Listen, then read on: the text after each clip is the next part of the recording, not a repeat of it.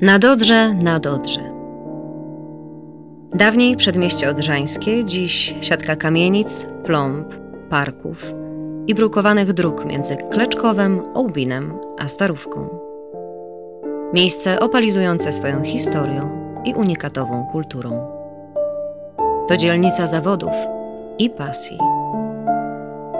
Pisarze, malarze, muzycy, szachiści, sklepikarze, fryzjerki, pracownicy kolei, rzemieślnicy i studenci czynią z tych murów żywą tkankę tętniącego organizmu Wrocławia. Nadodrze jest przepełnione ludzkimi opowieściami, tymi zwykłymi i tymi osobliwymi.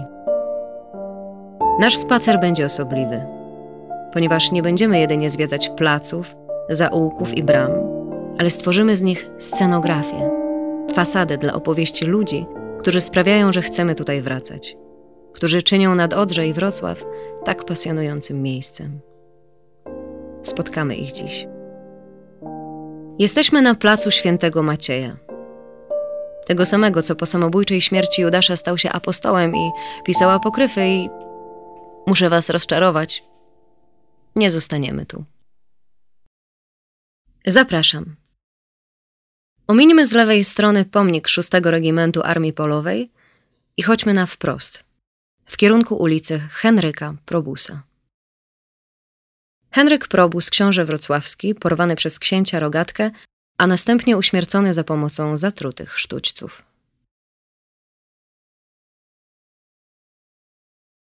Na prawo moglibyśmy się udać w stronę ulicy Łokietka, ale my, zaraz za skwerem, skręcimy w lewo i pójdziemy w stronę ulicy Trzebnickiej. Następnie skręcimy w ulicę Henryka Pobożnego, który był ojcem wcześniej wspomnianego porywacza Rogatki. Zatrzymajmy się tuż przy wyjściu ze skweru. Pierwszą ze spotkanych osób jest Hanna Janczak, brawurantka, aktywistka wszelakich działań literacko-muzycznych i edukacyjnych. Współtwórczyni gry miejskiej Kroniki nad Odrze, a przede wszystkim poetka i autorka zbioru Lekki Chłód, Najlepiej więc przedstawić ją jej własną twórczością dotyczącą zdarzeń, które miały miejsce za drzwiami bramy o numerze 2. Antyidylla. Obudziłam się. Wczoraj trwa w najlepsze. Wschody mdłości w trzewiach budzą niesmak. Szumy w głowie. Lepiej nie potrząsać akwarium o świcie. Stąd wymowne milczenie, stąd brak parcia i bezruch siniaki po nocnej wirówce, rozrzucone ubrania o czymś pewnie świadczą.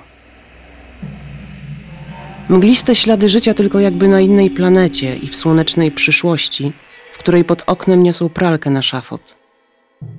Rozczłonkowane trofeum upolowane jeszcze pod księżycem. Kandelabry kabli i zardzewiałe poroże sprzedane za garść marzeń o zimnej wódce. Papieros wyrasta z ust tragarza jak liść – albo wyżebrany gaśnie w drodze po drugie życie.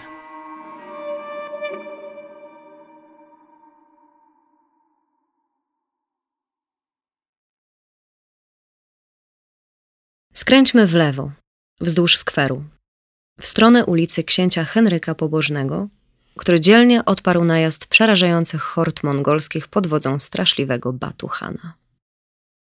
Kamienice, które mijamy po prawej stronie, w przeciwieństwie do przeciwległej i północnej zabudowy Placu Macieja, los oszczędził podczas drugowojennej zawieruchy, pozwalając nam się do dziś zachwycać ich urokiem. Można mówić o wyjątkowym szczęściu. We Wrocławiu rozegrała się jedna z ostatnich bitew II wojny światowej. Przerażająca, długotrwała i krwawa obrona Festung Breslau.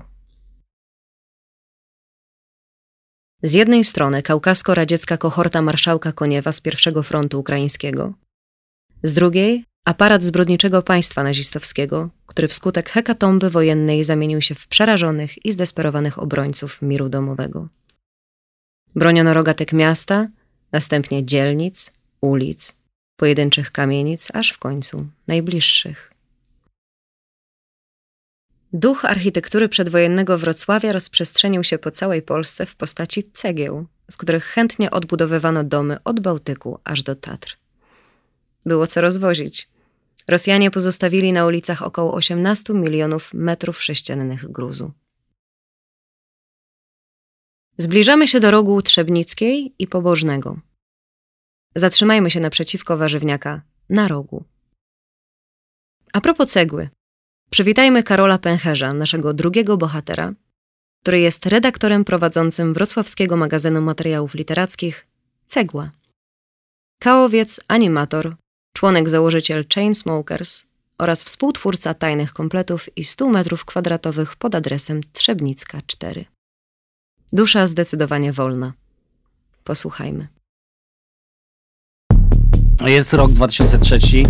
E, Zaczynam studia stacjonarne na filozofii na Uniwersytecie Wrocławskim e, i ląduję na Trzebnickiej 4 na zaproszenie Łukasza, który e, w tej chwili gra w ukrytych zaletach systemu. Łukasza znałem troszeczkę wcześniej z Jeleniej Góry. Na jamie jest już Matej, jest Adrian, za chwilę pojawia się też Magda Miłek. Mieszkanie ma około 100 metrów z haczykiem, e, mieści się w starej e, kamienicy. Zaczynamy sobie powolutku działać. e, Powstaje numer 4, 5 i 6 magazynu materiałów literackich Cegła. Zaczynamy robić spotkania z autorami. Pomysł jest taki, żeby to nie były takie sztampowe spotkania literackie. Wymyśliliśmy, że autorzy będą czytać na piecu, na takim e, fotelu, który e, wkładaliśmy na ten piec. Autor sobie wchodził na drabinę e, i czytał. Zwykle na spotkaniach z poetami jest maksymalnie 10 osób, to wtedy już jest duży sukces. E, Na Trzebnicką przychodziło wt- wtedy ponad, e, ponad setka. No i później te spotkania zamieniały się w, jakieś takie bardziej rubaszne historie towarzyskie. Jeżeli chodzi o e, poetów, to w latach 2003-2007 e, pojawiali się tacy autorzy jak Edward Pasewicz, Andrzej Sosnowski, e, już nieżyjący Maciek Malicki, Mariusz Żybalski czy Marta Podgórnik, czy można powiedzieć taka czołówka polskiej poezji. Co fajne, oni przejeżdżali bez żadnych honorariów i to były zupełnie takie przyjacielskie e, relacje. Jakby. E, Spotkań było się kilkanaście, niektóre miały charakter literacki, inne miały charakter wystaw artystycznych, czy happeningów, czy jam session. E, Na Trzebnicką e, wpadał Rosja z zespołem Perkit Pad, czy na przykład Beatboxer z Gas. Po Trzebnickiej e, zostało sporo zdjęć i nagrań. Kilka rzeczy jest zrzuconych na, na YouTube'a. E, Cały czas wydajemy magazyn Cegła. Ostatnio okazał się 38 numer. E, Na Trzebnickiej też powstawało dużo muzyki. W zasadzie od samego początku tłukliśmy z Łukaszem Matejem trochę muzy do, do, do literatury, do recytacji, które mieliśmy nagrane z tych spotkań właśnie na piecu. E, I w którymś momencie powstała z tego pierwsza płyta Chainsmokers z wierszami Andrzeja Sosnowskiego. Wtedy dołączył do nas Michał Litwiniec e, na saksofonie. I płyta wyszła w 2007 roku zatytułowana Trackless. W 2012 roku e, wydaliśmy jeszcze drugą płytę Dr. Caligari recytuje świat, również z Andrzejem Sosnowskim. Obecnie pracujemy nad trzecią płytą e, Chainsmokers, także wszystko jakby cały czas z tego ducha trzebnickiej nadal wychodzi. Gdybym to miał w skrócie podsumować tę całą historię, e, to by trzeba było to nazwać jako niebywałe życie z lekką literaturą w tle i na 100 metrach.